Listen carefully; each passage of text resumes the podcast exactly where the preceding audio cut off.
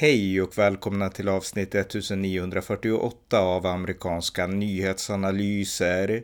En konservativ podcast med mig, Ronny Berggren, som kan stödjas på swishnummer 070-30 28 95 0. Här reflekterar jag över varför det nu är hög tid för Sverige, för media, politiker och allmänhet att kraftsamla mot islamismen och islamiseringen. Det handlar om vår nations framtid och överlevnad. Varmt välkomna! Ja, jag tänkte då prata om ett av mina beklagliga favoritämnen, nämligen islam och islamisering. Och det här är ett ämne som man inte skulle vilja prata om, därför att man skulle önska att det inte behövdes. Men tyvärr så är de negativa sidoeffekterna av islam och islamiseringen för många för att inte uppmärksammas, utan det är hög tid för Sverige att börja uppmärksamma de här problemen, prata om dem och börja adressera lösningar. Och eh, det som fick mig att göra den här podden, det var att jag läste häromdagen i, i SVT om eh, en eh, terrordömd som dömdes för inblandning i terrordådet i Bryssel 2016. Han heter Osama Krayem, ett känt namn bland de som forskar om jihadism och eh, han var alltså delaktig i terrordådet i Bryssel 2016 när jihadister utlöste bomber på Bryssels flygplats och dödade mängder av människor. Och Osama Krayem själv, han utlöste ingen bomb. Det är därför han har kunnat arresteras och dömas nu till livstid. Men det intressanta med honom det är att han är svensk. Han föddes 1992 i Malmö, växte upp där, levde på svenska skattepengar. Han gick i svensk skola, levde på svensk välfärd och eh, var en del av det svenska samhället. Men han fick inte svenska värderingar, utan han tog till sig de värsta av islams värderingar, nämligen Islamiska statens värderingar, och anslöt sig till Islamiska staten, terrorkalifatet. Och ni minns kanske den här jordanska piloten som Islamiska staten brände levande 2015 tror jag att det var. Och eh, den här eh, svenska jihadisten Osama Krayem, han var närvarande då när den här piloten brändes levande i en bur. Det filmades ju och visades för hela världen och eh, man kände oerhörd avsmak när man såg det. Och den här svensken var med då och ingenting tyder på att han försökte stoppa Islamiska staten. Ingenting tyder på att han försökte rädda den här piloten, utan han var en del av Islamiska staten. Och sen valde han alltså att delta i eh, terroristdådet på Bryssels flygplats. Och det här är alltså en svensk, en person uppväxt i Sverige, formad i Sverige, som Sverige har närt och som sen har exporterat, exporterat jihadism ut i världen. Och det här är bara ett av otaliga exempel. Vi har ju minst 300 personer som anslöt sig till Islamiska staten och vi har tusentals potentiella jihadister i Sverige som har återvänt från att ha anslutit sig till Islamiska staten eller andra rörelser i världen och sen kommit tillbaka till Sverige. Så Sverige har både exporterat jihadism och importerat jihadism. Det är värsta av två världar. Och därtill så har vi också islamiseringen när Sverige, det gäller också västra Europa, anpassar sig till en växande islamisk minoritetsgrupp. Och det senaste jag läste om det, det var en artikel i Expressen av Sofie Lövenmark. Hon driver ju sajten doku.nu, den här sajten som granskar eh, islamism och jihadism eh, på svenska. En mycket välbehövlig sajt som jag tycker ni ska följa.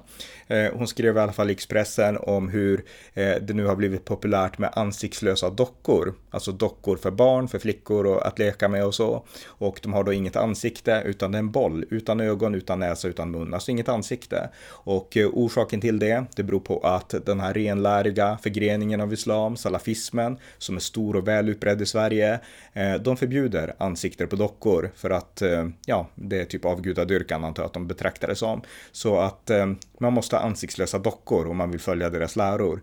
Och det är någonting som Sverige nu har normaliserat på olika nivåer. Och jag antar att det rör näringsliv, jag har ju sett hur näringslivet i olika avseenden har gått de här islamiska krafterna till mötes. Och det gäller säkert, jag menar, i, i kommunverksamheter och sånt där också kanske. Jag har inte läst om det. Men eh, det pågår en anpassning till eh, de här eh, kraven från en högljudd och stor muslimsk minoritet.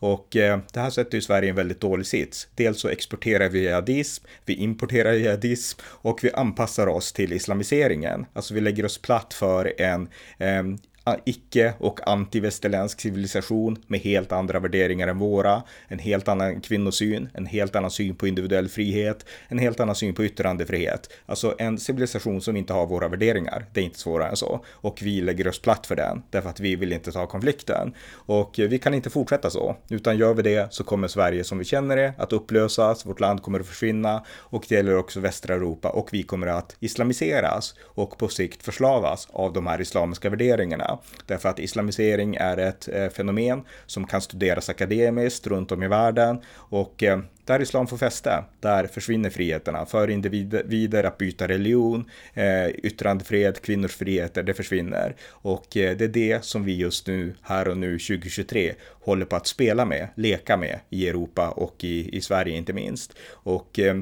det är hög tid för politiker att resa sig upp och säga nej till den här utvecklingen. Men tyvärr så har vi ett etablissemang i Västeuropa och i Sverige som har stått i vägen eh, för att eh, bygga en motrörelse mot islamiseringen. Alla som på något sätt har försökt kritisera islamiseringen och de problematiska aspekterna av islam, de har blivit avfärdade som islamofober och som rasister och som främlingsfientliga och kanske högerextrema. Och det här har gjorts av en eh, rad akademiker som antingen är islamismens medlöpare eller som är oerhört naiva. Och en person som har funnits och hörts mycket i media nu på sistone. Det är en professor i islamologi, islamologi på Uppsala universitet, Mohammed Faisal Hashemeh. Han är en av mina tidigare lärare, hade honom som lärare när jag pluggade i Umeå, där han var då, då var professor i idéhistoria. Och eh, han är ute i media nu och pratar mycket om just eh, ja, islam och liksom koranbränningarna och det ena och det andra. Och det här är en person som under lång tid, så länge jag följt honom, vilket är sedan typ 2004, eh, som under lång tid har eh, alltid ursäktat islamismen och alltid försökt eh, liksom skuldbelägga de som kritiserar olika aspekter av islam som just islamofober. Och eh, jag har ju en Substack-sajt som heter roniberggren.substack.com och där skrev jag ett långt inlägg om Mohammed Faisal Hashemi eh, som ni gärna får läsa. Och eh, det heter Public Service missar att Mohammed Faisal Hashemi är en aktivist, ingen expert. Läs gärna det så får ni se att här har ni en islamapologet som i princip banar väg för islamiseringen. Så att det är ett exempel på en person som har stått i vägen för den här öppna, nödvändiga kritiska debatten av islamiseringen av Sverige. En annan person som jag hörde på Sveriges Radio P1 häromdagen heter Göran Larsson. Han är också professor i religionshistoria och eh, han pratade i Eh, ja, i Sveriges Radio då med programledaren Åsa Furuhagen under rubriken Koranen, vad det står i boken och hur den kan tolkas.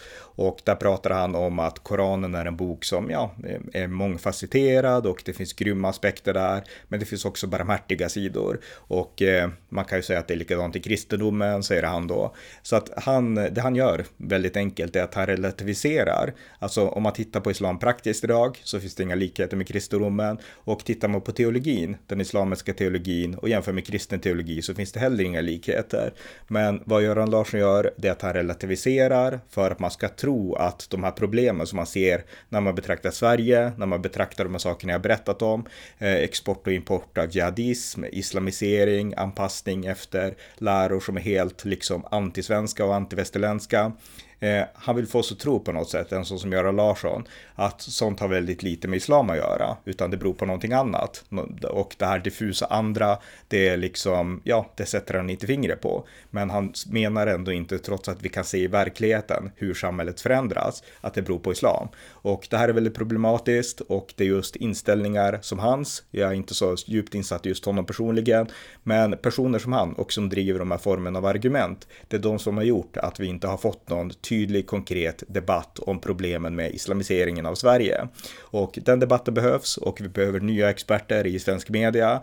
Vi kan inte ha de här apologeterna längre, utan det behövs tydliga islamkritiker, personer som är ödmjuka, respektfulla mot muslimer som individer, men inte är rädda för att stå upp för västvärldens värderingar och eh, ta ton mot de element inom islam som inte är förenliga med väst. Sådana behövs. Och eh, jag gjorde en podd för några dagar sedan, eller om det var lite längre tillbaks, om Ebba Busch, eh, Kristdemokraternas partiledare, som jag tyckte höll ett mycket bra och välbehövligt tal om islam i Sverige.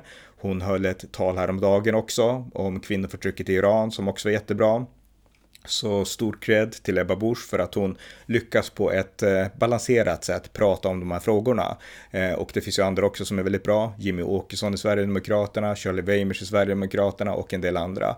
Men Ebba Busch, tal var väldigt, alltså det var Eh, jag är en fan som ni vet av George W. Bush och Ebba Bush, hon lyckades eh, liksom hålla ett tal i George W. Bush anda och eh, jag fascineras och sånt som ni vet. Men eh, det var ett bra tal, men det räcker inte, utan det som behövs det är på något sätt en stor kraftsamling från svensk allmänhet.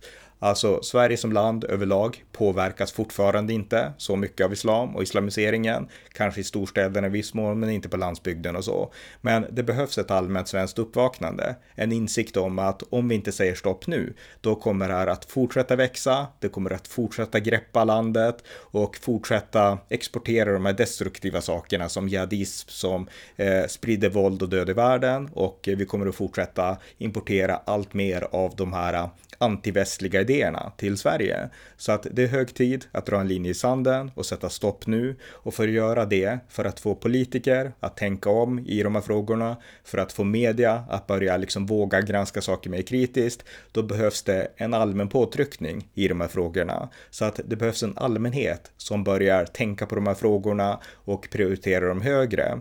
Och eh, det är såklart att i vardagslivet så är det fortfarande viktigare med skattepolitik, med liksom eh, fordonsskatt och med liksom alltså helt vanliga saker, bostadslån, alltså sånt är mycket viktigare, skola, liksom vård. Allt det är fortfarande viktigare för vanliga svenskar än islamiseringen, därför att Sverige är inte Iran till exempel. Men vi måste på något sätt redan nu börja dra en linje i sanden och säga att nu har vi fått nog av det här, nu sätter vi stopp för islamismen och islamiseringen.